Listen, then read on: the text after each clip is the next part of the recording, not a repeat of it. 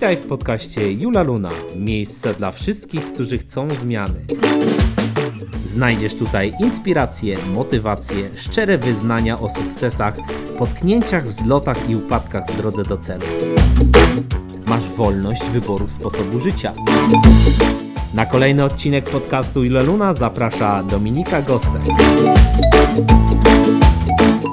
Cześć, ja nazywam się Dominika Gostek i witam Was w kolejnym odcinku podcastu Jula Luna. Moim dzisiejszym gościem jest Karolina Wilk.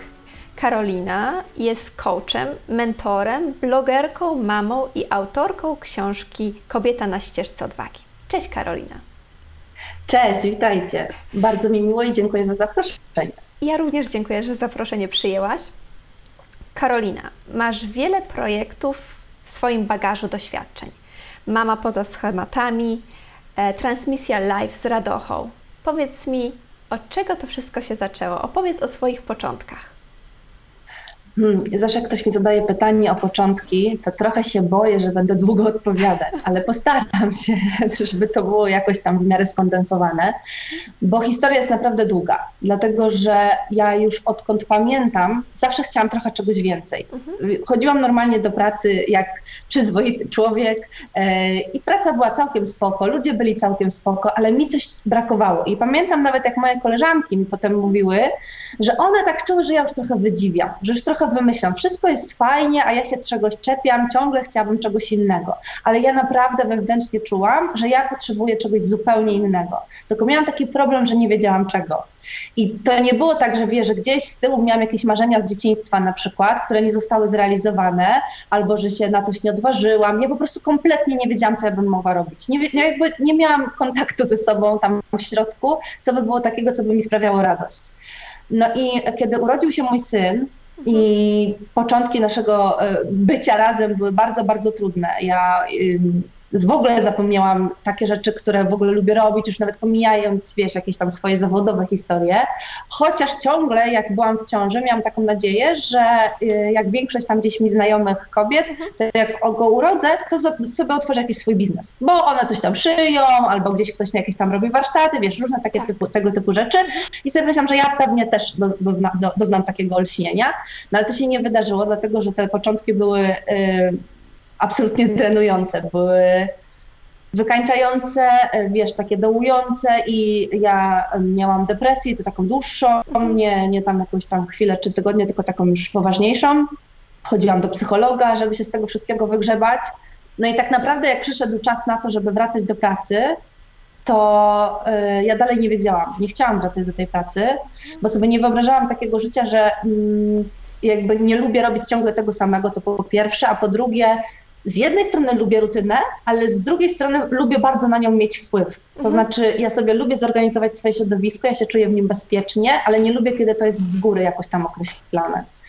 No i e, no więc wiesz, praca taka zwykła na etacie, no to mi za bardzo nie pasowała w tej mojej wizji. Mm, kiedyś wracałam z mężem z jakiegoś e, szkolenia z Warszawy, to było Życie pełne pasji u Kuby Bebączka. Jechałam, jechaliśmy pociągiem i ja w pewnym momencie po prostu takie, wiesz, olśnienie, ale naprawdę takie olśnienie jak z filmów, nie? że jakby coś na mnie wskoczyło po prostu. E, I ja sobie pomyślałam, kurde, skoro ja nie wiem, czego ja chcę, a z drugiej strony mm, widzę ludzi wokół siebie, którzy też mają trochę z tym problem, że gdzieś tam utknęli w swoim życiu, są w jakimś schemacie, nie do końca on im pasuje, ale nie za bardzo wiedzą, jak z niego wyjść to może ja pogadam z tymi, którzy wiedzą, którzy wyszli, którzy robią to, co chcą. Wiesz, jakby yy, po prostu dojdę do tych osób, wiesz, jakby zmienię trochę środowisko, nie? No i zaczęło mi się w głowie układać pewien plan. Yy, I tak właśnie powstała Mama poza schematami. Ja w niej nagrywałam kobiety, które wzięły swoje życie w swoje ręce, tak bardzo ogólnie mówiąc, mhm. yy, ale to chodziło o to, że coś tam miały jakiś pomysł na siebie i się w końcu na niego zdecydowały, wiesz, odważyły się, tak. musiały pewne rzeczy zaryzykować. Mm, no i tak 21 dziewczyn przepytałam w kontekście tego samego programu, nawet chyba 22. E, kilka oczywiście rozmów było też takich, które w końcu nie, nie ujrzały światła dziennego, bo jedna na przykład rozmowa była taka, że wszystko nam się pięknie rozmawiało, po czym ja przyjechałam do domu i się okazało, że nie nagrałam dźwięku. E, tak, I już potem nam się nie udało spotkać, bo to tak zawsze było z tymi terminami różnie bywało. No w każdym razie tych rozmów trochę było. Potem zrobiłam jeszcze taki cykl e, z innej perspektywy i tam też miałam kilka rozmów. Mm, I w trakcie, wiesz, rozmawiania z tymi osobami, które są tak blisko siebie, ja zaczęłam zauważyć pewne swoje talenty, może to szumnie nazwane, ale takie jakieś, wiesz, małe rzeczy, które po pierwsze mnie pasjonują, po drugie bardzo lubię je robić, ale w takim sensie, że świat się przestaje liczyć, e, a po trzecie e, dostaję feedback, że całkiem dobrze mi to wychodzi. Mm, no i tak wiesz, krok po kroku, krok po kroku z, tego, z tych samych rozmów założyłam grupę na Facebooku, bo fanpage był już wcześniej. No i na tej grupie zaczęłam robić jakieś live'y, zaczęłam prowadzić e, konsultacje, zaczęłam ro robić programy mastermind, gdzie pomagałam właśnie dziewczynom wyjść z tego ich e, jakiegoś tam początkowego stadium, e, gdzie właśnie albo nie, nie mogą siebie odnaleźć, albo siebie nie lubią, albo nie wiedzą w ogóle, co z tym swoim życiem zrobić, jak to ogarnąć, macierzyństwo i, i bycie kobietą. No, a potem powstał e, pomysł na transmisję live z Radochą. To trwało one jakby jednocześnie, dlatego że okazało się, że ja się całkiem dobrze czuję w tych live'ach. Jednocześnie w ogóle nie byłam techniczna te takie, wiesz, najprostsze tak. live, że bierzesz telefon i po prostu się nagrywasz, nie? To to było to, co mi sprawiało frajdę i dobrze mi wychodziło. I tam dziewczyny zaczęły mnie pytać, Karola, a weź powiedz, jak to robisz, a powiedz, jak się do tego przygotowujesz. I ja założyłam taką grupę y, z koleżankami, mhm. bo byliśmy razem wszystkie w latającej szkole Agaty Dudkowskiej i po prostu tylko dla nich tą grupę stworzyłam. Ale no wiem potem, a może słuchaj, może kogoś tu jeszcze zaprosimy i tak to się rozrosło, rozrosło i powstał cały projekt Transmisja Live z Radochą, gdzie znowu były jakieś programy, były konsultacje, wiesz, jakby tutaj też znalazłam swój kawałek. No i tak było z tymi dwoma projektami, bo potem przyszedł czas na trzeci, Kobieta na ścieżce odwagi, ale on już jest bardzo mocno wynikiem tych działań właśnie w tych poprzednich dwóch y, projektach. Rozumiem. A czy były jakieś takie jednoznaczne momenty albo wydarzenia, które doprowadziły Cię do tego projektu, w którym jesteś dzisiaj? E, wiesz co, chyba jednoznacznych nie było w takim sensie, że wiesz, coś się dzieje ciach i ja już wiem. Mhm. E, raczej to było tak, że ja ten projekt w, sobie miałam, myślę, że rok wcześniej niż go zaczęłam, znaczy myślę, że dużo wcześniej, ale mhm. ja czułam, że ja będę robiła coś innego. Był taki pewien moment, że ja czułam, że ja już nie, nie będę robiła ani mamy poza schematami, ani transmisji live z radochą, ale właśnie nie wiedziałam jeszcze, co będę robiła gdzieś tam powoli zaczynały mi się pojawiać jakieś, wiesz, obrazy, pojedyncze słowa, że ja tak mniej więcej wiedziałam, o co mi chodzi, mhm. E, ale nawet ja nie potrafiłam tego opowiedzieć. Jak ktoś się mnie pytał, wiesz, o jakieś plany, to ja nie byłam w stanie jeszcze tego jakby zwerbalizować nawet. E, ale wiedziałam, że coś się zacznie powoli dziać. I później bardziej to było tak, że zaczęły się wydarzenia dopasowywać do tego mojego wewnętrznego przeczucia. Nie? Że zobaczyłam, że na przykład to, co mogłam dać najwięcej w transmisjach, w transmisjach live z Radochą, to ja już więcej nie dam. Już więcej jakby nie, bo ja się nie będę technicznie szkoliła na przykład, tak. bo to nie było, wiesz, moje um, i tak dalej, i tak dalej. Gdzieś kiedyś miałam też taki pomysł na to, żeby być może nie tylko się zająć, w sensie, wiesz, jakby nie kobietami, ale dziećmi, czyli tymi pierwszymi latami życia e, i wiesz, jakby sposobem podejścia, rozmową i tak dalej, i tak dalej. Jak to zrobić, żeby to były relacje, a nie takie sztywne wychowanie ale bardzo szybko zmieniłam zdanie, że ja się do tego w ogóle nie nadaję i czułam, że ja się mam zajmować kobietami, a nie wiesz, tym wszystkim, co wokół nich, bo tego wszystkiego wokół nich było już dosyć dużo, a wciąż jest tak, że kobieta jest jakoś tak, wiesz, trochę pomijana, to może nie już, na szczęście, ale jednak wciąż jest tak, że mm, a to jak, jak relacje z mężem, a to jak relacje w pracy, a to jak relacje z dziećmi, a co z tobą, nie? A co tak. się dzieje z tobą, z kobietą. E, no i ja czułam, że ja chcę tego, że ja chcę bardzo, bardzo tego i w pewnym momencie poczułam, że to w sumie wcale nie muszą być mamy, więc mhm. mama poza schematami już wiesz, y, no sama nazwa trochę nie pasowała. Mm, I jak, ale wciąż się bałam, wciąż się bałam puścić, wiesz, bo no, zbudowałam pewną społeczność y, i wokół jednego projektu, i wokół mhm. drugiego i tak poczułam, że trochę tak jakbym szła znowu po nowe, na now, w, nowe rewiry, w nowe rewiry i to powodowało chyba, że ta decyzja się tak trochę odwlekała, odwlekała, że ja jeszcze na sam koniec pamiętam, budowałam stronę internetową, otwierałam sklep, jeszcze mając na uwadze te tak. projekty stare, mama poza mhm. schematami transmisję live, gdzie ja już w środku czułam, że to chyba raczej nie będzie to. I przyszedł taki dzień, w którym ja pomyślałam sobie, że to jest bez sensu, że ja już tak nie dam rady, że to ani mi nie daje takiej satysfakcji. Ja już jestem taka trochę zbuntowana na to wszystko i tak naprawdę um, czuję, że ja, ja, już naprawdę więcej nic nie powiem w tym temacie, tak. y, przynajmniej na wtedy, nie? Taką miałam, takie miałam poczucie. I że to po prostu jest najwyższy czas, żeby to zrobić no, nowy projekt. A dlatego kobieta na ścieżce odwagi, bo zauważyłam na tej mojej ścieżce rozwoju, czyli w tych mhm. poprzednich projektach, ale właśnie też jak pracowałam z kobietami, że to jest bardzo często tak, że mm, nie wiem, korzystamy z jakiegoś kursu rozwojowego, wiesz, biznesowego, tak. albo właśnie dziewczyny były u mnie na transmisjach, e, albo by, były w tych mastermindach. Mm, I tak naprawdę problemem nie było to, że one nie wiedzą, co chcą robić, albo um, czasami oczywiście też tak było, ale to było bardzo szybko, żeby dojść do mhm. tego, co tak naprawdę w środku w nich siedzi. No albo właśnie to, że, że technicznie czegoś nie ogarną, albo czasowo czegoś nie ogarną, chociaż oczywiście wszyscy zawsze mówili, że czas to jest największa przeszkoda, ale wcale nieprawda. Prawda była taka, że brakowało tej odwagi. Ja ją sobie tak nazwałam, że to odwaga, ale to nie chodzi o taką odwagę, którą wiesz, mhm. skaczesz ze spadochronu tak. albo ze spadochronem znaczy, albo czyli z samolotu tak. na przykład, nie, ze spadochronem, e, albo nie wiem, skok na bungee, czy nurkowanie gdzieś, tak. gdzie tam pływają niebezpieczne yy, wiesz, ryby, czy cokolwiek, to, to nie chodziło o, o taką, tylko taką wewnętrzną, że my się wciąż boimy oceny, że my się boimy porażki, że my sobie nie dajemy pozwolenia na to, żeby odpuścić, żeby się wycofać, żeby z czegoś zrezygnować, albo żeby się gdzieś zatrzymać, żeby poświętować, że jak wiesz, coś zrobimy i to nie musi być spektakularny sukces, tak. to super będzie sobie poświętować, a to wszystko buduje się na to, że więcej widzimy jakichś, wiesz, kropek, które trzeba jeszcze naprawić, zrobić perfekcyjnie, tak. coś tam tutaj, douczyć się, doszkolić,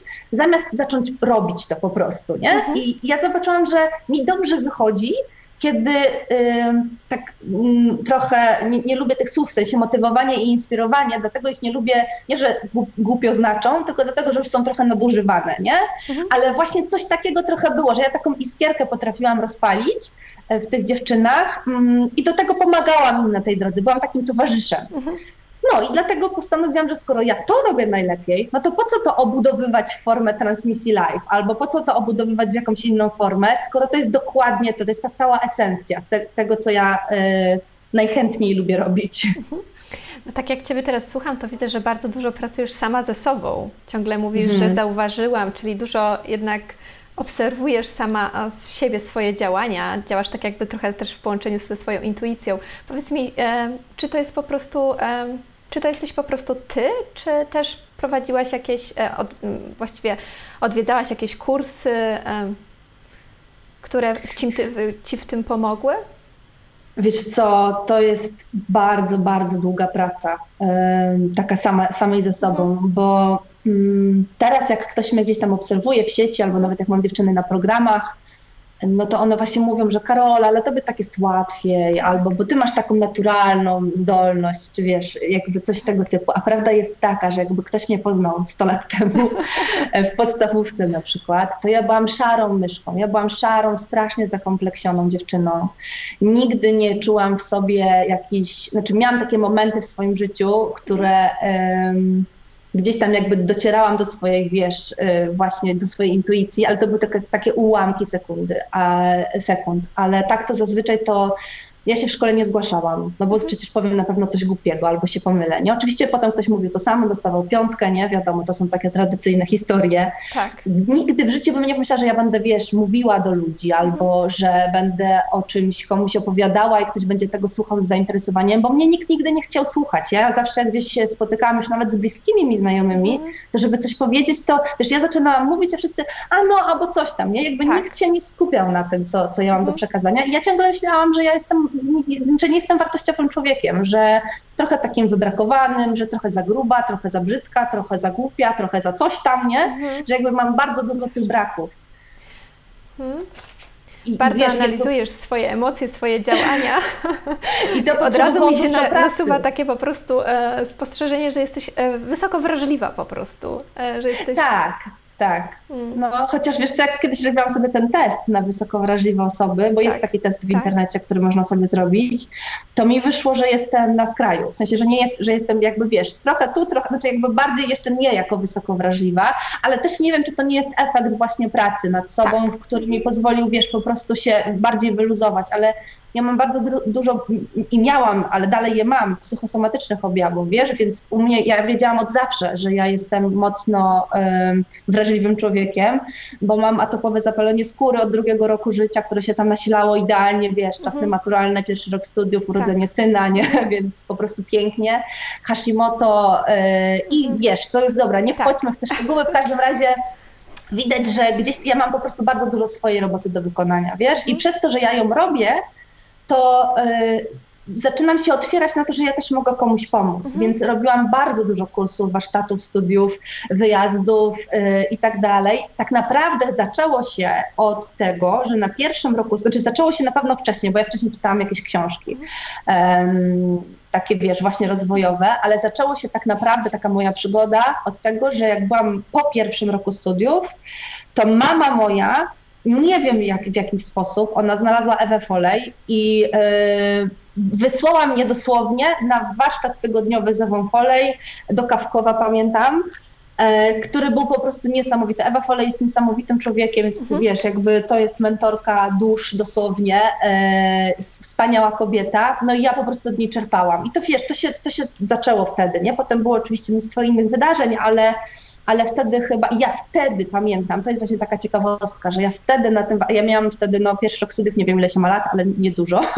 20 e, myślę, że maksymalnie chyba. No właśnie, coś, coś, coś w okolicy tego i ja wtedy pomyślałam sobie, a może ja bym mogła pracować z ludźmi. E, w kontekście takiej pracy właśnie wewnętrznej nad, e, wiesz, wtedy oczywiście nie myślałam o żadnej odwadze ani niczym takim, ale no, że w ogóle, że właśnie z ludźmi, e, tak żeby im jakoś pomóc na ich ścieżce życiowej. Ale zaraz po tym przyszła myśl bez sensu. Przecież jest już tak dużo psychoterapeutów, psychologów, wtedy jeszcze nie było online'u i w ogóle więc nie, nie, nie, nie, musiałam sobie mówić, tyle jest warsztatów tak. online i w ogóle, ale i tak pomyślałam sobie, że to jest bez sensu, że to nie może być moja ścieżka. Ja od razu wtedy stwierdziłam, że to nie będzie nigdy moja droga. No i wiesz, 15 lat później, nie, no może trochę mniej, e, i jestem dokładnie w tym samym miejscu i, i, ja wiem, że to jest to, co ja mam robić właśnie. To jest bardzo częsty ten sabotaż. Ja też tego doświadczyłam, a nie za dużo już jest w tym fachu ludzi. Nie, na pewno to nie jest Twoje, są lepsi od Ciebie. Tak. Tak. Jesteśmy w projekcie Kobieta na ścieżce odwagi. Piszesz, że wszystko, czego potrzebujesz, żeby wieść pełne, szczęśliwe i spełnione życie, masz w sobie. Czasami potrzeba tylko odwagi, by to docenić i po to sięgnąć. Pracujesz głównie z kobietami. Nie ma tu w ogóle żadnej wzmianki o mężczyznach. Powiedz mi, dlaczego? Nie wiem, nie, nie, wiesz co, nie wiem, tak naprawdę nie wiem, bo wiem dlaczego y, zaczęłam tak, dlatego, że zaczęło się od mamy poza schematami. No to sama nazwa wskazuje na to, że to są kobiety. Tak. Y, I wiesz, i jakoś w trakcie, jak prowadziłam tam ten projekt, zdarzało mi się oczywiście rozmawiać z facetami, ale jednak zawsze to było tak, że zupełnie na innym poziomie rozmawiało mi się z kobietami. A poza tym w ogóle wtedy jeszcze były te trudy macierzyństwa i tak dalej, i tak dalej do tego dołączone i w ogóle mi nie przychodziło do głowy, żeby z kobietami. Później pamiętam, jak robiłam transmisję live, to z Radochą, to nawet do grupy mi się czasami faceci, wiesz, jakby wchodzili do, do tej mojej grupy y, na Facebooku ale to były takie dosłownie jednostkowe sztuki. Mhm. I ja w ogóle wtedy tak, w takim żyłam przekonaniu, że ja właściwie to ja nawet nie umiem mówić do mężczyzn, bo mi się mhm. wydaje, że do nich trzeba mówić trochę inaczej. Ale doskonale sobie zdaję sprawę z tego, że to jest tylko przekonanie, które mhm. nie jest prawdziwe. Tak. Mm, pewnie gdzieś tam jakoś inaczej trochę tak, są pewnie inne obszary i w ogóle, ale generalnie, że to nie jest tak, że wiesz, że trzeba się inaczej odzywać, kiedy się jest wśród mężczyzn, a inaczej wśród tak. kobiet. No wiadomo, że nie. Ale coś jest takiego, że mnie ciągnie do tych kobiet. I Drugi taki punkt, bo teraz mi się on przypomniał, który y, był taki dosyć znaczący w moim życiu, to był, kiedy byłam na warsztatach y, z Porozumienia Bez Przemocy, ale to było konkretnie warsztat y, transformacji przekonań u Agnieszki Pietlickiej i ja mhm. miałam pracę nad moim przekonaniem taką, wiesz, na, na, na, jakby na sali, w sensie, że każdy widział, ja pracowałam bezpośrednio z Agnieszką i po prostu dotarłyśmy do tak głębokich jakichś tam, wiesz, kawałków, że szok. E, ja się potem pochorowałam, bo to tak często jest, jak się gdzieś tam dociera do jakichś takich bardzo starych e, schematów. W każdym razie e, później już byłam taka, wiesz, rozluźniona i nie, jakby właśnie ten umysł krytyka się nie miał, nie, nie miał jak włączyć, ani te wszystkie inne, wiesz, mm. rzeczy. I ja tylko sobie siedziałam i obserwowałam pozostałe kobiety i nagle poczułam w sobie taki dreszcz, że ja po prostu chcę pomóc kobietom. Chcę, wiesz, zmienić kawałek historii kobiet. Chcę mieć jakby kawałek swój w tej naszej zmianie całej, no bo wiadomo, że tak. historia kobiet się mhm. ogólnie trochę zaczyna odwracać, nie? Od tego, co było kiedyś. No i ja pomyślałam, że, że, że ja nawet nie pomyślałam, ja to po prostu poczułam, że ja chcę mieć ten swój kawałek tam włożony. Um, I i wtedy wiesz, nie pojawiłam się pomysł ludzi ani mężczyzn, tak. tylko ewidentnie, że to ma być kobiet. Ale z biegiem czasu i też myślę, że z własnym rozwojem, gdzieś ci mężczyźni zaczynają się mi pojawiać coraz częściej, bo uświadomiłam sobie, że tak naprawdę mm, kobiety potrzebują odwagi do tego, żeby być sobą, żeby sobie pozwalać na pewne rzeczy, żeby właśnie tak jak zaczęłyśmy o tych błędach i odpuszczaniu, ale tak naprawdę mężczyźni tak samo. E, że jakby to jest tak, że to jest kawałek nasz, człowieka, nie? Że o, o tej odwadze i o tym, żeby po prostu, że my możemy być sobą, mhm. że to nie, że jakby te schematy, że tam kobieta robi to, a mężczyźni robią to, że to jest bez sensu wszystko, że to nie pomaga, to nie wspiera jednostki, to też nie wspiera społecznie tak naprawdę. I, I, gdzieś może kiedyś ci mężczyźni się pojawią, ale na razie wszystkie jakieś projekty, które mam, nawet w komunikacji celowo używam, y, wiesz, jak piszę newslettera tak. albo właśnie jak nagrywam podcast, to mówię y, y, jak do kobiet. E, a kiedyś być może się trafią też mężczyźni. Ja po prostu, wiesz co bym potrzebowała? Ja bym potrzebowała po, jakąś grupę chętnych mężczyzn, którzy chcieliby popracować tak. i ja bym zobaczyła, jak ja się odnajduję, nie? I oni by mi potem dali, e, dali feedback, czy to jest coś takiego, co by się nadawało do tego, żeby dalej pokazywać światu, czy nie. E, więc raczej to powstanie na bazie doświadczeń, a nie na, tym, na, na bazie tego, że ja sobie to wymyślę, że tak, to jest mhm. teraz ten czas. Rozumiem.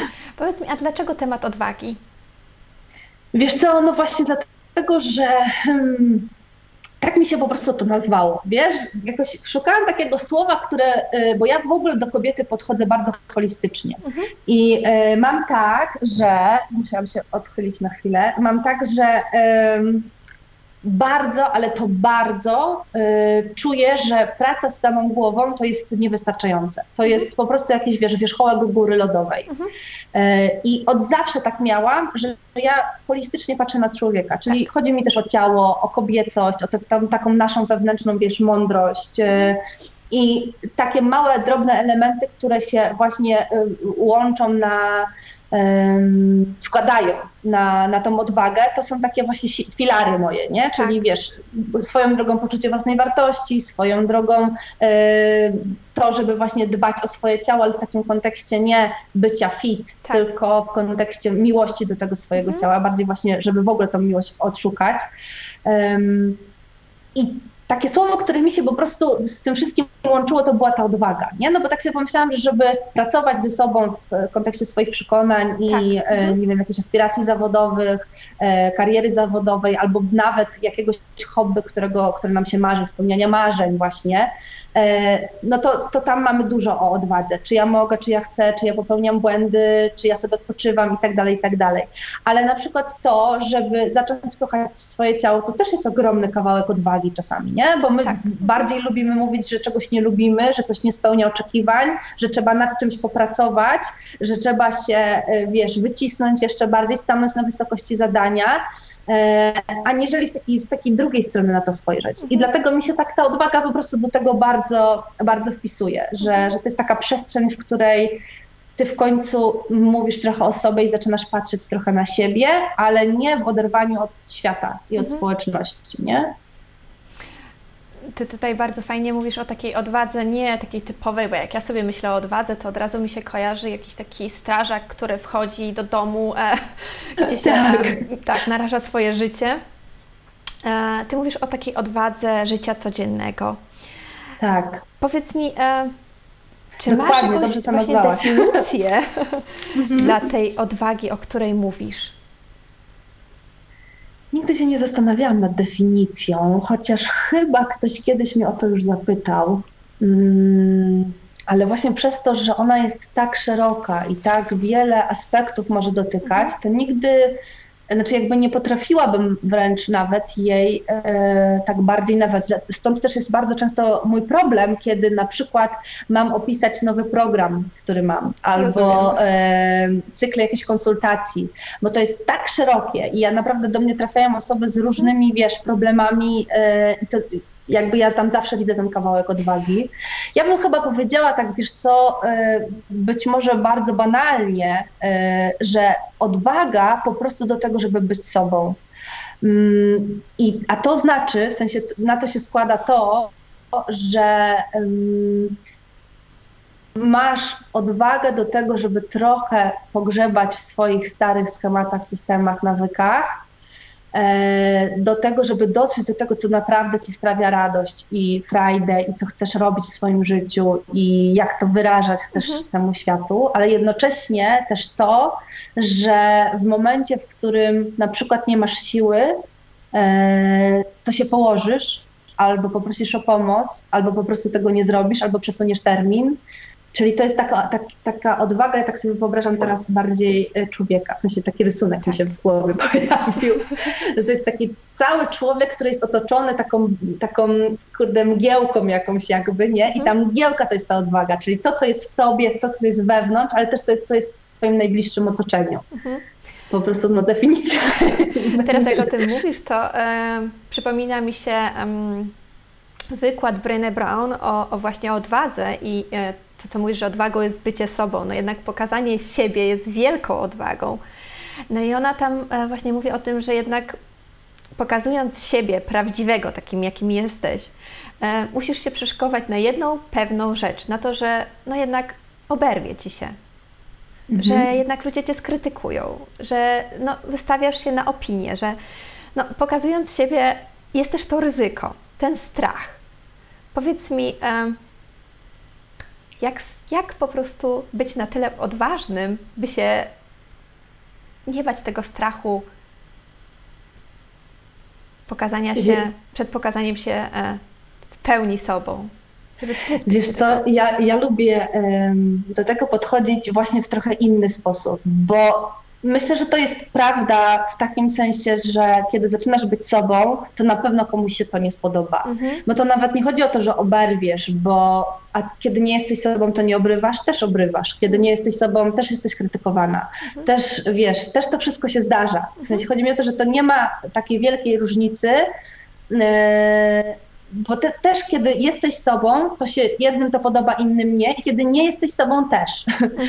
Zresztą samo nawet e, jesteś sobą, a nie jesteś sobą, ktoś kiedyś fajnie powiedział, a co to znaczy, że ja nie jestem sobą? Mhm. Przecież ja w tym momencie może właśnie jestem sobą, nie? To jest takie trudne do zdefiniowania tak naprawdę, ale chodzi o to, że pewnie to, o czym ty mówisz, to chodzi o to, że my pokazujemy nagle to, co w nas w środku siedzi, czyli że na przykład coś nam się nie podoba, że coś tak, nas boli, że czegoś nie umiemy, tak, tak że, Swoje emocje. Wiesz, że, mhm. no właśnie, że te emocje, które czasami pokazujesz, że, mm, no, że te, tego nie dasz rady zrobić, nie umiesz na przykład mhm. tego zrobić, nie? Albo, że na przykład ci się tu płakać, albo to cię y, sprawia, wiesz, wzruszenie na przykład, tak. nie? Albo, że z jakimś tęsknisz, albo, że coś tam innego takiego, nie? No i teraz ja bardziej myślę o tym w takich kategoriach, że że właśnie uświadomienia sobie tak naprawdę, że to trochę bez różnicy, bo cokolwiek robię, to i tak komuś się to może nie spodobać. Mhm. Ale druga rzecz, i to często już jakby w kontekście konkretnych działań, no bo to jest tak czasami, że my się nie pokazujemy, bo się boimy, że na przykład jak wypuścimy naszą stronę internetową, albo właśnie odcinek podcastu, e, albo że jakąś tam pracę trzeba oddać e, i pisemną, albo książkę wydać, o, to, to, że komuś się to nie spodoba i zaczną nas krytykować i tak dalej, to ja często zadawałam dziewczynom takie, takie ćwiczenie i mówiłam, to daj, daj, dajesz, jedziemy z najgorszym scenariuszem, nie? opowiadać, co się najgorszego może wydarzyć. I kiedy zaczynajmy sobie wyobrażać i mówić na głos o tym, najlepiej komuś, e, to się okazuje, że te rzeczy są mm, po pierwsze bardzo często y, absurdalne, w sensie, że one się nie mogą wydarzyć, a po drugie, jeśli się nawet wydarzą, to mają krótki termin ważności, bo tak. to jest najczęściej to, że, my się, że to jest taka chwila, nie? że my się poczujemy ten dyskomfort, ten wstyd i to jest normalne, że to czujemy. Właśnie o to chodzi, że to jest zupełnie normalne, że to się poczuje, tylko że sytuacja wygląda tak, że prawdopodobnie za tydzień, za miesiąc, za rok, bo zależy oczywiście jaka historia, już nie będzie, nie? Będą same doświadczenia stamtąd zabrane, same jakieś tam, wiesz, historie, które, które e, fajnie wyszły, mm, i to jest ok. I oczywiście, że czasami jest tak, że gdzieś tam się właśnie rodzą traumy, że gdzieś tam właśnie się robią te historie, które nam potem bardzo, bardzo w życiu pomagają.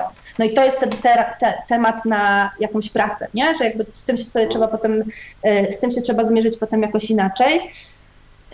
Ale wiesz, też tak sobie myślę, że to że to jest też tak, że ty wybierasz, nie? Kiedy tak. jesteś gotowa na to, żeby komuś pokazać, e, co naprawdę czujesz. Że to nie chodzi o to teraz, żeby, jeśli nie masz na to gotowości, że wiesz, oglądasz sobie albo słuchasz jakiś podcast albo jakiś film i cię wzrusza on. E, no i ty wiesz, że on cię będzie wzruszał, to idziesz specjalnie do tramwaju i ryczysz w tramwaju, nie? Albo na przykład wiesz, jakby możesz to oczywiście zrobić, ale nie musisz. Ty możesz go wybrać i oglądać kiedy indziej akurat. Mm, a no i więc tym bardziej ja sobie my, wolę myśleć, że, że my mówimy o takich relacjach, które są też tak blisko nas, bo mm, Fajnie by było, gdybyśmy w domu, w cudzysłowie domu, bo to nie musi być sam dom, ale chodzi o to w takim bardzo bliskim naszym otoczeniu, mogli być prawdziwi, mogli być sobą. No bo tam mam jakby super by było, żeby tam dostać wsparcie, żeby tam dostać opiekę, takie poczucie bezpieczeństwa i tak dalej. Ale to się nie zadzieje, kiedy my w końcu nie zaczniemy być prawdziwi. Nie? Bo jakby nikt nie wie, z czym tak naprawdę ani z kim ma do czynienia. No, więc to są takie moje, moje kawałki. Ja myślę, że na ten temat możemy bardzo długo rozmawiać i to jest też pewnie bardzo indywidualne, tak. bo mm, wszystko zależy od tego, w jakim jesteś teraz w tym momencie miejscu, bo czasami jest tak, że e, pewnie miałaś taką obserwację, że ktoś komuś coś powiedział i po nim spłynęło to jak po kaczce, ale autentycznie, nie to, że on tam potem poszedł do domu płakać, nie? A komuś innemu powiedzieć to samo i on się po prostu załamie. To jest tak, że wiesz, mimo że to jest na przykład ta sama osoba to, to mówi takim samym tonem, tak, w takim samym kontekście i to po prostu bardzo zależy od tego, co, co ten ktoś już w środku w sobie ma. Mhm. Powiedz mi w takim razie, jak się ta ma e, nasza odwaga do naszej codzienności? No właśnie, bo to jest, ja dlatego ją tak lubię, bo ona może dotyczyć y, dużych spraw, takich jakichś, wiesz, dla każdego też duże znaczy co innego, ale też jest taką naszą codziennością, bo kiedy ja mówię o tej odwadze takiej naszej, to mam na myśli to, że na przykład jak e, jest taki dzień, to co powiedziałam Ci, zanim zaczęłyśmy nagrywać, że wczoraj miałam e, ochotę się przygotować trochę do naszego spotkania, ale po prostu poczułam, że potrzebuję się położyć i spać, iść, nie? W ogóle nawet nie spać, tylko leżeć. I dla mnie to jest odwagą, żeby wybrać to leżenie, zamiast się przygotować, no bo ludzie, bo będą słuchać, bo coś, bo nie wiadomo, nie? Ale z drugiej strony czy ja na oparach lecąc, nawet jak się bardzo przygotuję, to jestem w stanie dostarczyć dobrą jakość? No nie do końca. E, więc jakby to jest taka mała odwaga. Albo, że na przykład już wieczorem nie masz siły się mhm. zająć dzieckiem, a patrzysz, a mąż idzie sobie włączyć telewizor, no to żeby mu powiedzieć, że to może nie on się teraz zajmie tym dzieckiem, a ty pójdziesz zrobić coś innego, nie?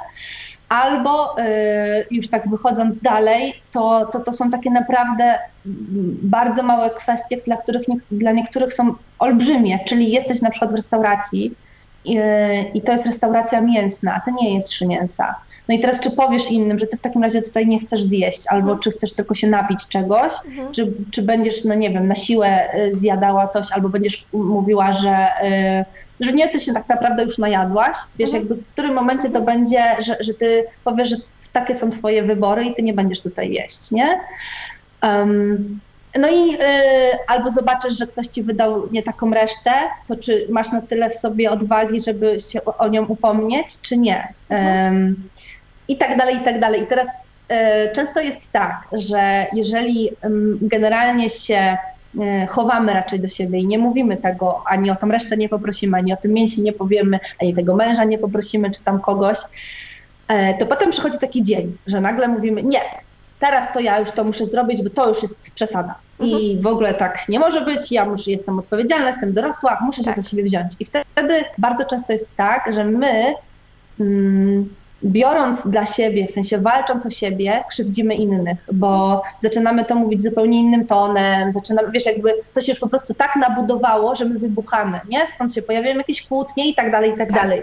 I dlatego moim zdaniem warto z tą odwagą po prostu pracować e, tu i teraz, w sensie na, od razu, na bieżąco, a nie zbierać i kumulować, nie zbierać i kumulować, nie? No a jak już jest skumulowane, no to tym bardziej warto popracować, bo to w pewnym momencie kiedyś może wybuchnąć, ale to może wybuchnąć albo na zewnątrz, albo do wewnątrz. E, czyli wiesz, jakieś się pojawią choroby właśnie na przykład. Nasuwa mi się teraz takie pytanie, to skąd brak tej odwagi w naszym codziennym życiu? Och, to kochana, to jest temat na co najmniej kilka podcastów.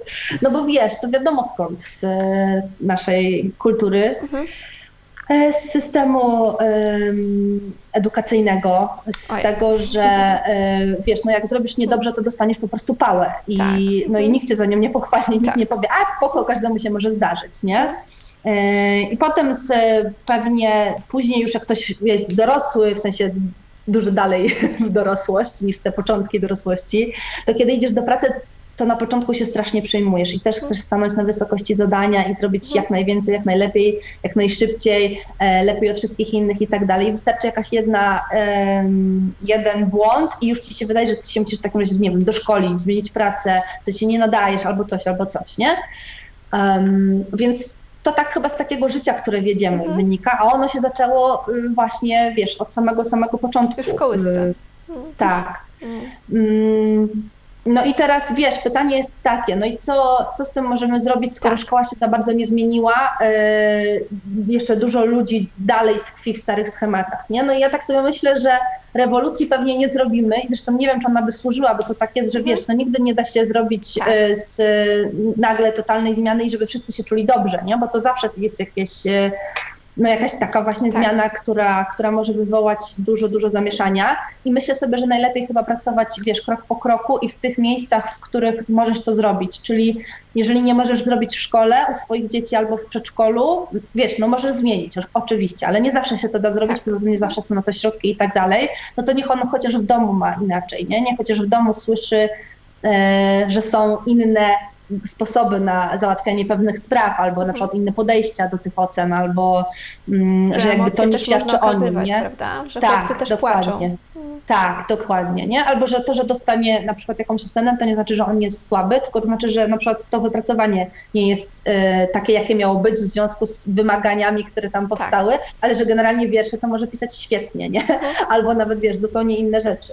Um, no i wiesz, jakby więc cała taka edukacja e, rodziców w kontekście tego, jak z tymi dziećmi teraz inaczej rozmawiać i od tego jest mnóstwo wspaniałych kobiet, które się tym zajmują. E, wiesz, uczą tego, jak, jak budować poczucie własnej wartości u dzieciaków i tak dalej więc można z tego korzystać, ale do samego siebie, no to zacząć po prostu rozbrajać te bomby, czyli wiesz, patrzeć skąd to mamy, czy ja dalej tak uważam, czy to, że kiedyś tak mi mówiono, to że to znaczy, że to jest objawiona prawda i już w ogóle wszyscy i w ogóle. Ja bardzo lubię podróżować, wiesz, jak yy, teraz jakoś chyba trochę mniej mam na to czas, ale to chociaż sobie lubię takie książki czytać, które mówią o totalnie innych kulturach. I nagle jak otworzysz się na to, że wiesz, w tym samym czasie, czyli nie, nie czytamy książki, która jest tam 100 lat temu, nie, albo 300, e, tylko taka z teraz. E, I że w tym samym momencie, co my tu siedzimy i sobie gadamy, to ktoś tam na innym kontynencie robi totalnie co innego, ma do tego zupełnie inne podejście, to być może to nie jest tak, że ja wiem wszystko najlepiej, nie? Być może ten świat może być i trochę tak, i trochę tak. E, I bardzo, bardzo lubię takie odniesienia właśnie do innych kultur, do innego systemu, mm, co nie znaczy, że one są lepsze, nie? Tylko, że tak. wiesz, jakby jak sobie zobaczysz, że, że to może być taki tak, to zaczynasz trochę mięknąć, to znaczy zaczyna się tak trochę właśnie luzować te swoje jakieś właśnie wymagania, standardy, nie wiem jak to nazwać, ale ale tak sobie myślę, że to mo mogłoby być taka, taka droga. No bardzo, bardzo fajnie to tutaj e, opowiedziałaś, ale jednak chciałabym Cię jeszcze zapytać, ja, załóżmy dzisiaj, widzę, że mam problem, załóżmy, z mówieniem nie. Zauważyłam mhm. swój problem, chcę go zmienić. E, no i od czego zacząć tą moją ścieżkę odwagi? Wiesz co, akurat to, to powiedziałaś z tym nie. Być może na, na inne pytanie bym odpowiedziała inaczej, ale to mi się tak skojarzyło i muszę to powiedzieć, że ja zaczęłam swoją ścieżkę odwagi um, od czytania literatury a propos dzieci. Mhm. Wiesz, jak zaczęłam czytać Agnieszkę Stein, a ty powiedziałaś nie, a jest, jest, jest tak. piękna książka tak. E, o, o, tym właśnie, jak mówić nie z miłością to ja, wiesz co, wcale, i Filip był malutki, nie?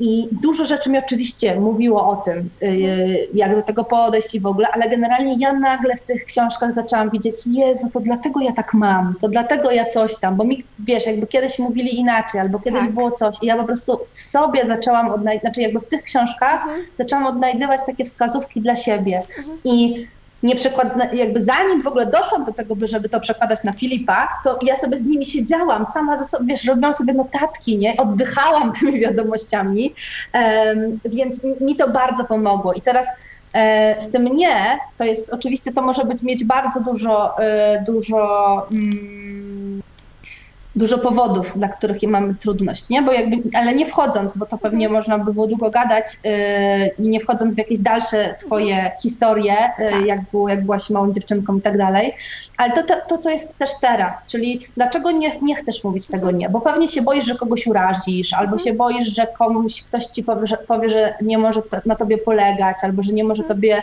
zaufać. I warto sobie zobaczyć ten krok wcześniej, czyli ja nie mówię nie, bo co się wydarzyło, albo co sobie pomyślałam nawet bardziej. E, I czasami się okazuje właśnie, że ja sobie, że wewnętrzna moja mała dziewczynka pomyślała sobie, że bo mnie ktoś przestanie kochać, nie? Ale kiedy ty to już weźmiesz do dorosłości, no to sobie pomyślisz, kurde, jak ja powiem partnerowi albo mamie, albo cioci, że czegoś tam nie zrobię, no przecież oni mnie nie przestaną kochać, no bo wiesz, po prostu tylko nie, zro nie zrobię tego i już to jest jedna rzecz. I tu jest, wiesz, kawałek jest jeszcze tutaj do pracy i tu możemy było trochę pogadać, ale ja też lubię powiedzieć ten kawałek dalej, czyli najpierw się zastanawiasz, co się pojawiło w twojej głowie, mhm. no i załóżmy, że już to jakoś tam masz poukładane, że jesteś gotowa i odważna na to, żeby powiedzieć to nie, to wiedz, że w wielu przypadkach jak już to zrobisz, to będzie dyskomfort. Czyli pojawi się dyskomfort i w tobie, i w tej osobie, i w waszej przestrzeni. Mhm. I teraz my się najczęściej tego dyskomfortu boimy, tak. że on będzie straszny, że yy, nie wiem, przestaniemy się do siebie odzywać, już do siebie nie zadzwonimy i w ogóle. Mhm. I jak wytrzymasz ten dyskomfort, to zobaczysz, ale w sensie z taką uważnością i z taką obserwacją, to zobaczysz, że on najczęściej mija po dosłownie kilku minutach że to jest tylko takie zdziwienie, no bo my jesteśmy do tego przyzwyczajeni i ci inni są do tego przyzwyczajeni, że zazwyczaj wypada nie, znaczy pewnie zależy w jakim kontekście, ale zazwyczaj raczej jesteśmy pomocni, usłużni i w ogóle, tak. i w ogóle, i w ogóle. I nagle dostaje ktoś bachnie i takie, kurde, ej, coś tu się, jakaś tutaj torpeda się w światopogląd wbiła. Jest na poczucie dyskomfortu, ale jak ty nie zaczniesz wtedy, nie, bo ty zawsze, bo ty coś tam, bo ja nie mogę, wiesz, tłumaczenie się, usprawiedliwianie, zrzucanie winy i tak dalej, to ta atmosfera się dość szybko tak naprawdę na nowo klaruje i, yy, i okazuje się, że to, czego się bałyśmy, nie jest takie straszne i dość szybko mija, a pobyć sobie z dyskomfortem też zawsze warto, bo znowu możesz zaobserwować, co się w tobie dzieje, co zaczynasz z tym, w związku z tym czuć, jak e, wiesz, jak, jakby co tam się pojawia, jak szybko masz ochotę zmieniać to zdanie, bo to często jest też tak, nie, że powiedzieć, nie Boże, po co to powiedziałam, mogłam powiedzieć tak, byłoby z głowy, nie byłoby tej nieprzyjemnej atmosfery. No, bo oczywiście drugi sposób i na pewno lepszy, w sensie, że jakby wiesz, to jest po prostu gadać z ludźmi, gadać i mówić, nie, że jakby, że nie chcę tego zrobić, bo bo nie mam ochoty, bo się nie czuję dobrze, ale jednocześnie trudno mi jest sobie to powiedzieć. No i po tej drugiej stronie, jak ktoś się też pojawi taki, że ma ochotę na to, żeby rozmawiać, że nie wiem, też jest porozumienie bez przemocy i w ogóle, no to jest piękna ścieżka, ale no ale to jest dopiero taki świat, do którego dążymy pewnie, nie? Czyli nie ma jednej utartej ścieżki do odwagi naszej, bo teraz jak sobie myślę, załóżmy, załóżmy o tym, e, stoję w kolejce przy kasie, płacę, pani wydaje mi za mało pieniążków, no to znowu jest we mnie, pojawia się znowu ten dyskomfort i trochę strach. Powiem jej, może nie zauważyła, a ludzie z tyłu stoją, ciekawe co o niej pomyślą. E, no pojawia się znowu ten dyskomfort, prawda? Tak, tak. I on, ten dyskomfort jest, właśnie on będzie, to jest, to jest ważne, wiesz, dobrze, że to podkreśliłaś jeszcze raz, bo kiedy wchodzimy na ścieżkę odwagi, to ten dyskomfort będziemy czuły więcej niż czujemy zazwyczaj, chociaż być może niekoniecznie, bo, bo czujemy go często też wtedy, kiedy robimy coś wbrew sobie, nie? Tylko to jest taki dyskomfort, który chowamy do środka i najczęściej my mamy bardzo dużo y, tych mm, nie rozpraszaczy, tylko to, te, te rzeczy, które przykrywają, nie? Czyli mhm. wiesz, serial, jakieś e, kolejna nauka, albo tak. kolejne warsztaty, albo coś, e, albo wino, albo kawa kolejna, albo ciastko, nie? Jakby każdy ma tam, albo idę biegać, o, to też jest e, taka często mhm. przykrywka, tak. mm, nie żebym miała coś przeciwko bieganiu, w każdym razie ten dyskomfort się pojawia i on na początku będzie pewnie większy niż później. To mhm. też jest tak, że potem się na, zaczynamy uczyć z nim żyć, nie? Ale wiesz co, jeszcze jest tak, że ja tak miałam przez całe życie, że ja myślałam sobie, że ja jestem po prostu obserwowana przez świat. W takim sensie, że jeżeli ja powiem tej pani coś, to ci ludzie w kolejce coś o mnie pomyślą, ta pani sobie coś o mnie pomyśli, potem ta pani powie mężowi albo dzieciom, albo coś i po prostu tak. pół świata nagle o mnie pomyśli. A prawda jest taka, że ci ludzie mają cię w nosie. I oni być może w tej sekundzie coś pomyślą, ale za chwilę już każdy wróci do swoich spraw i wiesz, i już w ogóle zupełnie się y, zajmie czym innym a ty w pewnym momencie poczujesz jakieś tam uścisk w brzuchu, może w klatce piersiowej, bo zasnie ci w gardle, no ale spoko, to jest twoja ścieżka, ty dopiero na nią wchodzisz, nie? To nie jest jakby, tam nie ma mety. Tam nie, to jakby ścieżka odwagi to nie jest coś, co się skończy, że ty w pewnym momencie będziesz już uu, na tyle odważna, że już nikt ci nie będzie w życiu przeszkadzało i w ogóle. To jest taka ścieżka, którą zawsze się będzie szło, jak już się na nią wejdzie. Ale właśnie, tak jak powiedziałaś, nie ma jednej drogi. Nie ma jednej drogi, dlatego ja do tego tak podchodzę bardzo kompleksowo, bo u niektórych lepiej zacząć od głowy, u niektórych tak. lepiej zacząć od ciała, u niektórych lepiej zacząć od tego i tego, a u niektórych jeszcze od wiesz, różnych mhm. innych rzeczy. Hmm. Mówimy tutaj o odwadze. Ty mówisz, żyj z odwagą i z lekkością, no ale tutaj poruszyliśmy temat odwaga, dyskomfort. Więc mhm. powiedz mi, jak e, żyć z odwagą i lekkością. No właśnie, bo ta lekkość to jest taki kawałek, który ja kocham dodawać, właśnie dlatego, że ta odwaga się kojarzy z tym dyskomfortem, tak. z tym, mhm. że mm, ta popularna, wiesz, strefa poza komfortem, właśnie to wychodzenie z tej strefy i tak dalej, i tak dalej. I ludzie Ryzyko, już trochę wstyd, mają. wszystko. Mhm. No, już, i, i, trochę już też każdy ma trochę tego dosyć, nie? Ile ja mam wychodzić, ile coś tam, tak. nie? A ja sobie myślę, że to można zrobić wszystko z lekkością. I to nie chodzi o to, że nigdy nie będzie się miało poczucia dyskomfortu, nie? Ani też nie będzie, że, że to będzie wszystko zawsze łatwe, piękne i swobodne, bo to, to nie chodzi mi o taką lekkość, tylko chodzi mi o taką lekkość, którą my sobie możemy dodać, a najczęściej robimy wręcz na odwrót. I to mówiliśmy na samym początku, ja wspomniałam o tym, że na przykład jak coś nam wychodzi, to od razu skakujemy do następnego zadania. Nie robimy sobie przerwy, nie świętujemy, nie celebrujemy, nie dajemy sobie odpoczynku, i bez tego nie będzie tej lekkości. Właśnie chodzi o to, że ta lekkość wynika z tego, co my robimy pomiędzy, w trakcie, przed, po i tak dalej, bo chodzi o to, że są historie w życiu, które są ciężkie i poważne i odpowiedzialne i wiesz, nie wiadomo co, tak. pewnie, że takie są, mhm ale my często już po prostu, wiesz, z automatu tą ciężkość, odpowiedzialność, smutek, żal przenosimy na wszystkie inne dziedziny życia. A przecież może być tak, że ja mogę się mierzyć z trudnym zadaniem, ale jednocześnie pójść popływać, bo uwielbiam pływać na przykład, nie? I ja wiem, że się tam relaksuję i po prostu, ja tak na przykład mam na nartach, że jak jestem na nartach, to choćbym miał najtrudniejszy projekt zawodowy, to ja na nartach muszę myśleć tylko o tych nartach, bo inaczej się wywalę, nie? E, niektórzy tak mają, nie wiem, na koniach, niektórzy mają właśnie tak jak biegają, bo biegają w lesie i słuchają sobie ptaków, ptaszków i tak dalej, czyli my możemy sobie zadbać o to. Mm, mówi się, że e, wiesz, jakby stres, no, mhm. czyli też jakby to wychodzenie z tej strefy komfortu pewnie też jest stresem, jest taki, że e, generalnie on jest nam potrzebny do życia, nie? Tak. Tylko, że my po prostu żyjemy w permanentnym stresie. Ale teraz co może ten stres nam, może nie, że wyzerować, ale ja sobie to widzę w takiej, wiesz, e, taka amplituda, która ma dzięki temu fajny, fajny bieg, a nie jest taka szalona cała, to jest e, przyjemność. Kiedy my sobie dodamy, ale to też tak nie może być, że mam przez cały tydzień stres i dopiero na sam koniec, na weekend idę na imprezę, nie? No bo fajnie może iść na imprezę, ale to nie o taką przyjemność mi chodzi, nie? Bo to jest przyjemność, która potem będzie kosztowała. Będzie kosztowała to, że nie wiem, się nie wyśpisz, będzie bolała głowa czy coś. Tylko chodzi o tą przyjemność, którą możesz sobie na bieżąco dawać. Czyli masz, wiesz, zadanie jakieś, siadasz do czegoś, albo jesteś po tym sklepie i to było dla ciebie trudne, no to teraz wybierasz słuchawki i sobie włączasz swoją ulubioną muzykę albo, nie wiem, dźwięk ptaszków, liści, czy z czego tam lubisz, żeby właśnie ten twój system nerwowy się miał czas trochę uspokoić i w ogóle, nie? I, y, I w ten sposób my dodajemy tą lekkość, że my do tych trudnych zadań czasami dodajemy lekkość, ale jeszcze lekkość często wypływa z tego, kiedy sobie y, właśnie uświadomimy ten, ten najczarniejszy scenariusz i się okaże, że on nie jest taki straszny, bo my czasami się przygotowujemy, wiesz, jak na śmierć i życie, nie? Walka y, o życie dosłownie, tak. a się okazuje, że to nie jest w ogóle takie ważne. Jeżeli my gdzieś po prostu w pewnym momencie um, przełączyliśmy się na ten na mózg pierwotny nie? i on tylko w tych kategoriach rozpatruje, i my już z tej kory nowej nie korzystamy i, y, i, i, nie, wiesz, jakby nie bierzemy tego pod uwagę, że to jest sytuacja, która jest jednorazowa, albo że to jest tylko kawałek jakiś do zrobienia tak naprawdę, że to nie musi być wejście na Monteverest od razu, nie? No i małe kroki. Małe tak. kroki też robią y, robotę. Mówisz tutaj tak troszeczkę o byciu tutaj teraz, docenieniu siebie, takiej wdzięczności trochę za to do samej, tak. do samej siebie, że słuchaj, no. popatrz, gdzie jesteś dzisiaj, co było dwa lata temu, prawda? Tak, tak.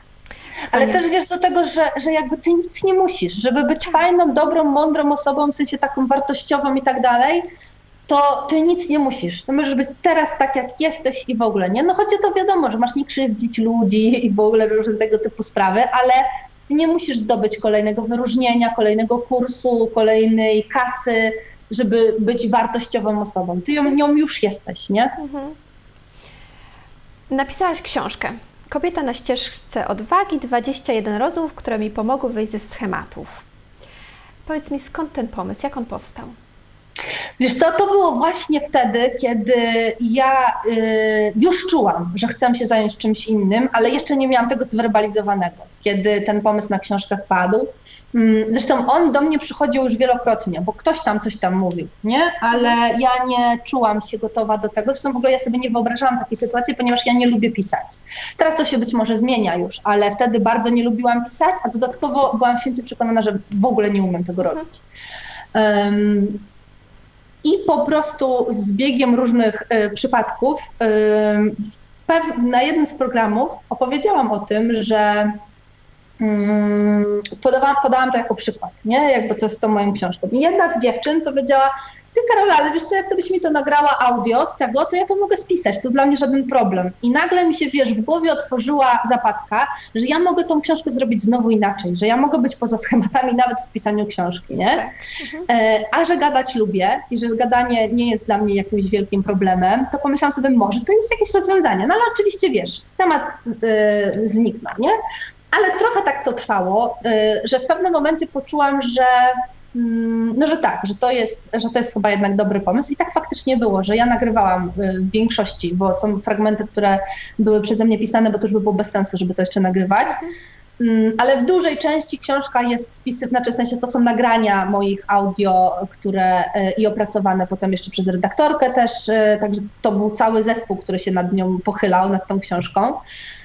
Mm, ale właśnie w momencie, w którym ja wciąż byłam w procesie tworzenia tej mhm. książki, ja już e, uświadomiłam sobie, że ja chcę robić coś innego. Czyli ja chcę, żeby to się, w sensie, że już chcę kobietę na ścieżce odwagi, a nie mamy poza schematami. I to był olbrzymi dylemat, bo mhm. pomyślałam sobie, ja piszę książkę, która jest podsumowaniem projektu Mama poza bo mi chodziło o tą moją drogę, no bo tak jak Ci powiedziałam, wiesz, od szarej myszki, niezdecydowanej, tak. nie, mhm. człowieka, który nie wie, co ze sobą chce zrobić w życiu, do tej Karoli, którą jestem teraz, to naprawdę była ciekawa droga tak naprawdę. I pomyślałam sobie, że nie każdy oglądał te filmy, nie każdy był ze mną w trakcie tego projektu, mm, a dodatkowo ja się nigdy nie dzieliłam aż tak. Nigdy nie dzieli... Ja raczej opowiadałam to, co się dowiedziałam, w sensie od tych dziewczyn bardziej, albo na przykład o tych dziewczynach opowiadałam, a raczej nie mówiłam o takich swoich wewnętrznych e, rozkminach, chyba że ktoś był u mnie w programie, no to wtedy dziewczyny wiedziały raczej wszystko, ale tak z zewnątrz to nikt tego nie wiedział, a to była moim zdaniem wartościowa wiedza i wartościowa droga, którą warto pokazać.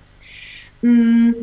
No ale teraz tak, to komu ja sprzedam tą książkę, nie? Skoro tak. już wychodzę z mamy poza schematami, tak, ale w pewnym momencie myślałam, no trudno, jakby może wychodzę, może jednak ci, ci ludzie będą pomiędzy moi, ci, co wcześniej mnie oglądali, być może tym nowym też to się spodoba. I jakby stwierdzam, że to jest coś po prostu, co ja muszę zrobić. To ma być takie piękne domknięcie tamtego projektu, podsumowanie jego, y, bo tam jest w książce jest i o y, króciutko, bardzo króciutko, tam dosłownie na 4-5 zdań streszczenie filmu, czyli jak ktoś w ogóle go nie widział, to, to ma tam, wiesz, jakby w, y, taką esencję z niego, ale jest też link do tego filmu, więc można sobie go obejrzeć. Mm, ale jest właśnie to, co, co wtedy u mnie było, co się u mnie działo, jakie miałam rozterki, jak do tego podchodziłam. Także y, myślę, że to jest taki moment, taki każda, każdy fragment książki, ona ma swoje przystanki. To jest taki przystanek, że się możesz zatrzymać i pogrzebać w sobie, nie? Posprawdzać, jak to jest u ciebie.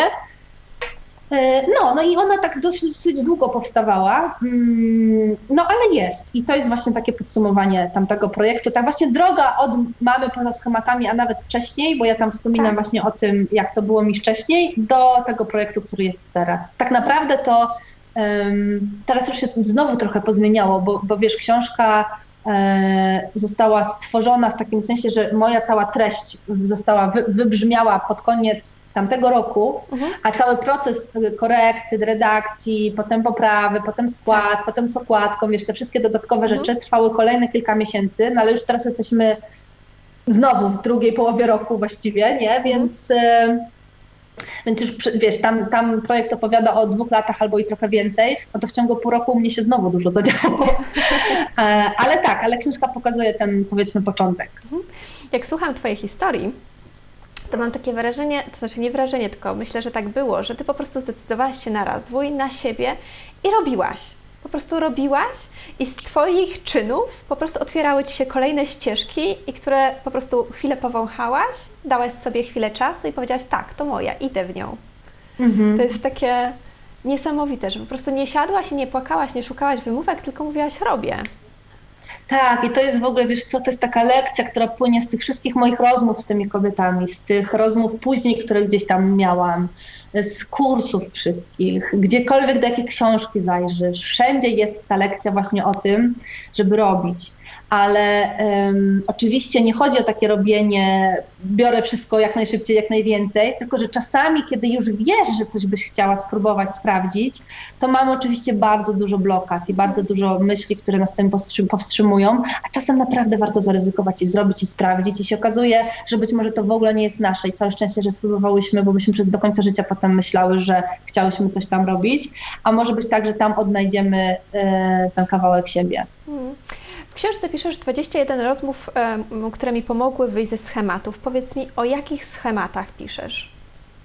Och, bardzo dużo jest tych schematów. Wiesz, głównie, jak potem, szczególnie jak czytałam książkę już, wiesz, kolejny raz do korekty, to już miałam pewien moment taki oczywiście, w którym pomyślałam sobie, że e, już nie mogę tego więcej czytać, to jest beznadziejne, nikt tego nie będzie chciał czytać i w ogóle, i w ogóle. I wtedy wiedziałam, że to jest czas na przerwę i ją na chwilę odłożyłam, ale później jak wróciłam do niej po tam dwóch tygodniach to chyba było, to aż miałam łzy w oczach czasami, jak czytałam mhm. pewne fragmenty, bo ja tam piszę o tej małej Karolci właśnie, o tej, mhm. o tej dziewczynie właśnie, która ogromnie się do wszystkiego wszędzie zawsze porównywała. Ja się porównywałam gdziekolwiek pojechałam, cokolwiek robiłam, Chodzi mi o to, czy to było spełnienie marzeń, bo wspaniały wyjazd, wiesz, gdzieś za granicę, czy super y, impreza ze znajomymi już na studiach, mhm. czy potem y, już wiesz, później w życiu mhm. coś w pracy zawodowej.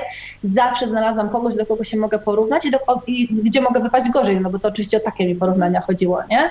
Więc y, to jest taki cały proces. No a wiesz, a tu rozmawiam z dziewczynami, które tak. odnoszą sukces, mhm. więc no kurczę, wydawałoby się, że wręcz to, to mnie jeszcze bardziej może zagłębić ten mój stary temat.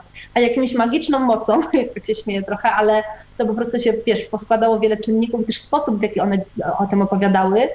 Ja nagle zauważam, że, e, że to porównywanie jest bez sensu. I wiesz, przecież ja wiedziałam, że ono jest bez sensu. Przecież to słyszymy, wiesz, na okrągło, nie? Tak. No ale co z tego, że ja wiedziałam, jak i tak się porównywałam. Mhm. E, no i tu zaczynam właśnie, wiesz, w tej książce e, wychodzić z tego schematu. Wychodzić z schematu takiego, który mm, bo oczywiście ich jest bardzo dużo, nie? Ja myślę, że 21 to jest nawet mało, tych, znaczy w mhm. sensie w, w każdej rozmowie był co najmniej jeden schemat rozbrajany, e, a niektóre były poprzez kilka rozmów, ale drugi taki, taki bardzo duży mój schemat to był taki, że mm, ja, ja, mi się zawsze wydawało, że dobrze jest, kiedy się możesz określić, że albo robisz tak, albo robisz tak, albo ubierasz się tak, albo tak, albo nie wiem, albo y, zajmujesz się matematyką, albo zajmujesz się językiem polskim, nie? I zawsze mi się wydawało, że to jest po prostu, że tak trzeba, że to jest najlepiej, że wtedy się osiąga najlepsze sukcesy i że nie może być trochę tak, trochę tak. Mhm. E, a proces pisania książki, ale to nie tylko te rozmowy oczywiście, ale też właśnie warsztaty, na których byłam, bo akurat z tym się też właśnie bardzo mocno wiąże to wcześniej wspomniany mm, warsztat z porozumienia bez przemocy o tych przekonaniach, że właśnie czasami możesz y, być duszą towarzystwa i po prostu, wiesz, z wszystkimi rozmawiać i się w tym naprawdę dobrze czuć, ale innym razem masz ochotę siedzieć w kącie, tylko obserwować środowisko. I to jest okej, okay. to nie znaczy, że ty jesteś jakaś nie, nie, niepoważna, nienormalna albo zakompleksiona, albo nie wiem, co tam jeszcze, tylko to jest okej, okay, że może być tak i tak, nie? Że masz dni, w których masz ochotę e, właśnie robić live, występować do ludzi i coś mówić, a są takie dni, w których wolisz siedzieć i pisać i po mhm. prostu nie wygrzebywać się ze swojego konta, nie? E, to jest jakby ten, ten drugi schemat. Trzeci schemat był taki, że popełnianie błędów jest ok. Mhm. Bo mi się zawsze wydawało, że jak gdzieś coś zrobię nie tak, nie? jakiś popełnię błąd albo odniosę jakąś porażkę, no to właśnie te czarne scenariusze, nie? To, e, tylko, że ja wtedy tego tak sobie nie, nie nazywałam, tylko naprawdę wierzyłam, że to się może zmaterializować, że to po pierwsze wszyscy to zauważą, wszyscy to zapamiętają i będą po, pamiętać po wsze czasy, nie? Że tam Karoli się powinęła noga, tego nie zrobiła, coś tam. A tutaj się wyszłam z tego schematu, wiesz, i, i zauważyłam, że no pewnie, że będę popełniać błędy. Nie da się zresztą inaczej. Tak. E, jakbym nie robiła, no to mogę wtedy nie popełniać ewentualnie błędów, ale generalnie jak cokolwiek w życiu robisz, no to wiadomo, że błędy gdzieś tam cię w końcu spotkają, nie? I teraz przestałam w ogóle y, używać sformułowania y, porażka, nie? No bo jakby nie ma czegoś takiego. No czasami coś nie wyjdzie i po prostu wyciągasz z tego wnioski i robisz potem tak. inaczej. A nie musisz ją znowu popełnić ten błąd, bo i tak się jeszcze za mało nauczyłaś i tak dalej, i tak dalej. W każdym razie, wiesz, no zmieniłam swoje też słownictwo na przykład. Y, nawet nie chodzi o to, żeby coś na siłę zmieniać albo, że wiesz, afirmować mhm. czy coś, tylko że zrozumieć jakby, jak, jak to na mnie wpływało, co to powodowało, jak mnie zatrzymywało, i tak dalej, i tak dalej. Marta Krasnodębska, pamiętam też powiedziała, i to jakby jest kolejny schemat, i na tym już skończę, bo bym mhm. mogła pewnie jeszcze ich dziesiątki wymieniać, ale ten jeszcze tylko powiem, bo Marta powiedziała coś takiego, że ona jak siada do nagrywania podcastu i jej po prostu nie idzie za cholerę, to ona to zostawia nie, nie męczy się, wiesz, nie próbuje tego robić jeszcze raz, bo, bo w planie ma, że dzisiaj ma 30 minut, czy tam no, 3, 3, 2 godziny powiedzmy yy, i już ten czas nie będzie, nie nastąpi, bo już nikt się nie zajmie dziećmi czy cokolwiek. No jak się nie da, to się nie da. Ona się po prostu nie bije z koniem, idzie sobie podpoczywać i siada do tego w następnej możliwej okazji i się okazuje, że trzy potrafi naraz nagrać, nie? Albo nawet cztery albo coś. I ja wtedy też wyszłam z tego schematu, że skoro się na przykład wszystko w swoim kalendarzu tak poukładałam, wiesz, wszystko dookoła, bo to też chodzi o to, że często kogoś w to angażujesz, nie? Że jakby, no bo na przykład dziećmi się trzeba zająć, albo że wszystkim się umówiłaś, albo coś, ale jak mi nie idzie, to mi nie idzie. I choćbym się umówiła z prezydentem, może trochę przesadzam, ale choćby nie wiadomo co, to ja czasami po prostu czegoś nie zrobię i już, bo to nie jest ten czas, nie? Ja się nie zamierzam, wiesz, jakoś strasznie do tego. I to wiesz, tu chodzi, wiadomo, że do, jakiś, do tego mamy zdrowy rozsądek, nie? Że to nie chodzi o to, że masz do, do zapłacenia rachunki i powiesz, nie płacę, nie? Nie płacę, bo się dzisiaj źle czuję, no bo wiemy, o czym, o czym mówimy, nie? Jakby wiemy, do czego to możemy przy, przywołać, ale, ale to też tak było, że ja sobie pozwalam po prostu na to, żeby czasem odpuścić. Rozumiem. To te schematy, które teraz wymieniłaś, to tak dla mnie e, to wszystko ma zarodek już w naszym dzieciństwie. Mm, tak. Wychowanie, później edukacja. No. Wiesz co, w ogóle przekonania, ja teraz takiego PDF-a przygotowałam do pracy z przekonaniami właśnie, mhm. bo, bo te przekonania, schematy i blokady, to co mamy, no to oczywiście jest jakby można by rzec, że właściwie wszystko ma zarodek w dzieciństwie, bo, bo może być tak, że ten, ten, to przekonanie w dzieciństwie jeszcze się nie zbudowało jako przekonanie, mhm. ale tam były pierwsze właśnie ziarnka, nie? I tak. dopiero, nie wiem, siódme ziarnko, które było w 16 roku życia, zbudowało twoje przekonanie, tak naprawdę już od tego momentu żyjesz w tym przekonaniu, czy tam w tym schemacie ale ten pierwsze ziarenko było właśnie gdzieś tam lata, lata wstecz, nie? I, I, to tak jest, że one się po prostu wtedy, bo my jesteśmy wtedy najbardziej chłonni, najbardziej e, otwarci na świat i ciekawi świata, to też, ale mm, tak bardzo widzimy autorytety w tych starszych ludziach, tych rodzicach, szkole, tak. nauczycielkach i tak dalej, nie? E, no i to wtedy wszystko się zaczyna budować i tylko oczywiście jakby nie, nie trzeba tragizować, bo to nie jest tak, że wtedy jak się dziecku raz powie coś y, mało wspierającego, no to ono już to weźmie dla siebie, bo to potem chodzi o, bo jakby przekonanie mm, musi, czy tam ten schemat, on się musi zbudować, czy może musi, to też nie, bo pewnie są różne sytuacje, ale generalnie buduje się na, tem, na podstawie powtarzalności pewnej, czyli mhm. jak dane zdanie usłyszałam potem wiele razy, albo zobaczyłam jeszcze na przykład, nie, że inni z mojego otoczenia tak funkcjonują, no to ja wtedy to dopiero się zaczyna moim schematem, nie? Rzadko jest tak, że to jest jakieś takie jedno wydarzenie, mhm. które e, zmieniło życie. Ono już właściwie było na pewno po, po jakichś tam innych małych ziarnkach. Powiedz mi, czy Twoją książkę nadal można kupić? Tak, książka jest dostępna na mojej i jest dostępna tylko na mojej stronie, czyli na e, www.wilkkarolina.pl. to jest ważne, że Wilk Karolina, bo bardzo często ktoś mówi Karolina Wilk, a są takie inne strony, czyli wilkkarolina.pl e, i tam jest cała moja strona i, i, i, wszystko dostępne, a jeszcze jak się zrobi ukośnik to i się wpisze książka, to ona od razu jest, więc jeszcze łatwiej można ją tak znaleźć. E, oczywiście książka bez polskiej znaków. Super. E, mm, chciałabym Cię teraz poprosić o radę dla tych, którzy są na początku tej swojej ścieżki odwagi.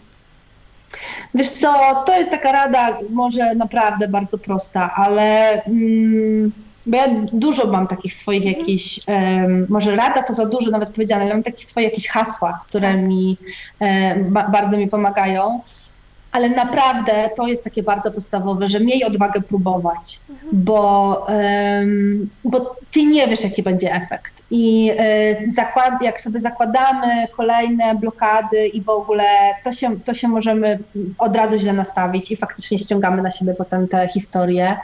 Ale z drugiej strony często jest też tak, że mamy jakieś olbrzymie marzenia, do których chcemy dążyć i wszystko na nie poświęcamy. Mhm i ciągle odkładamy żonę na kiedyś, kiedyś, kiedyś. I potem jak przychodzi czas ich realizacji, to się okazuje, że wcale nie są takie fajne, nie? Więc mhm. odwaga próbowania tego wszystkiego już teraz, wcześniej, zanim jesteś gotowa. To jest takie fajne hasło, że zanim jesteś gotowa, nie? Że miej odwagę próbować, zanim jesteś gotowa. No. Bo właściwie tak naprawdę to nigdy nie będziesz gotowa, bo nie wiesz, dokładnie. co cię czeka, No, dokładnie. Dziękuję Ci za ten przekaz. Jeszcze takie małe zadanie dla Ciebie. Chciałabym, żebyś sobie teraz wyobraziła Karolinę sprzed pięciu lat. Mhm. I ty, Karolina, z tym całym swoim bagażem doświadczeń, przeżyć, sukcesów, możesz wysłać Karolinie sprzed pięciu lat wiadomość, taki przekaz.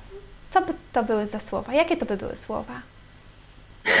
Wiesz co, znaczy, no, w pierwszym momencie, jak powiedziałeś, że to będzie dla mnie zadanie, to się bałam, że będę musiała śpiewać, ale tak na poważnie, nie wiem, dlaczego, znaczy wiem, dlaczego mi to przychodzi, ale pewnie jakbym się dłużej na tym zastanawiała, to coś mądrzejszego bym może tej Karolinie powiedziała yy, sprzed pięciu lat, ale teraz mi przychodzi do głowy, Y, żeby po prostu dać sobie czas, mhm. żeby taką cierpliwość, nie? że jakby wszystko z taką, z taką cierpliwością, z takim spokojem, z taką akceptacją na to, że ten czas jest potrzebny. Bo ja mam takie wrażenie, że ja bardzo oczekiwałam rezultatów, wyników na szybko, nie? że ja tak samo jak wtedy co jeszcze nie wiedziałam, co chcę ze sobą robić, to ja tak chciałam, żeby to się szybko już pokazało, już, już, już. I to było strasznie obciążające i strasznie męczące i tak naprawdę blokujące Mm, blokujący ten przepływ, tą energię, to właśnie te usłyszenie tego głosu swojego wewnętrznego, a taki daj sobie czas po prostu. Weź dziewczyno, daj sobie czas, tak bym sobie powiedziała, ale coś bym jej właśnie jeszcze wyjaśniła, żeby ona wiedziała, o co chodzi, bo nie wiem, czy by wiedziała wtedy. No, ale tak.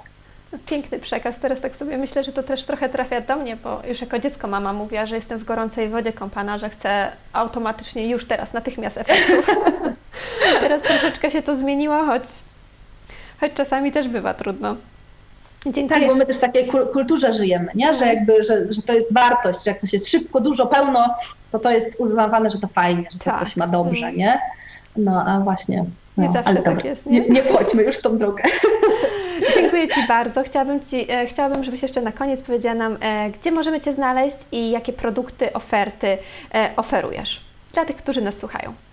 E, dzięki. E, to tak, tak jak powiedziałam już, e, www.wilkkarolina.pl. Mam wspaniałą stronę, naprawdę. Musicie zobaczyć, bo jest świetna. Widziałam, jest świetna. Naprawdę ją po prostu ja się czuję w niej jak w domu. Jest mhm. dokładnie tak, jak chciałam, żeby było, a to nie jest takie proste, musicie wiedzieć, że jakby proces powstawania strony mojej, mhm. gdzie właśnie sama definicja odwagi jest mi trudna do zbudowania, to co dopiero cała reszta, mhm. e, był, był długi, e, ale jestem bardzo zadowolona, więc tam i tam od razu się pojawi, że jest książka, mhm. e, jest, będzie program o odwadze, to już będzie jego kolejna edycja, mhm. planuję ją tak mniej więcej na październik. Mhm. Mm, w tej chwili można się zapisać na listę zainteresowanych.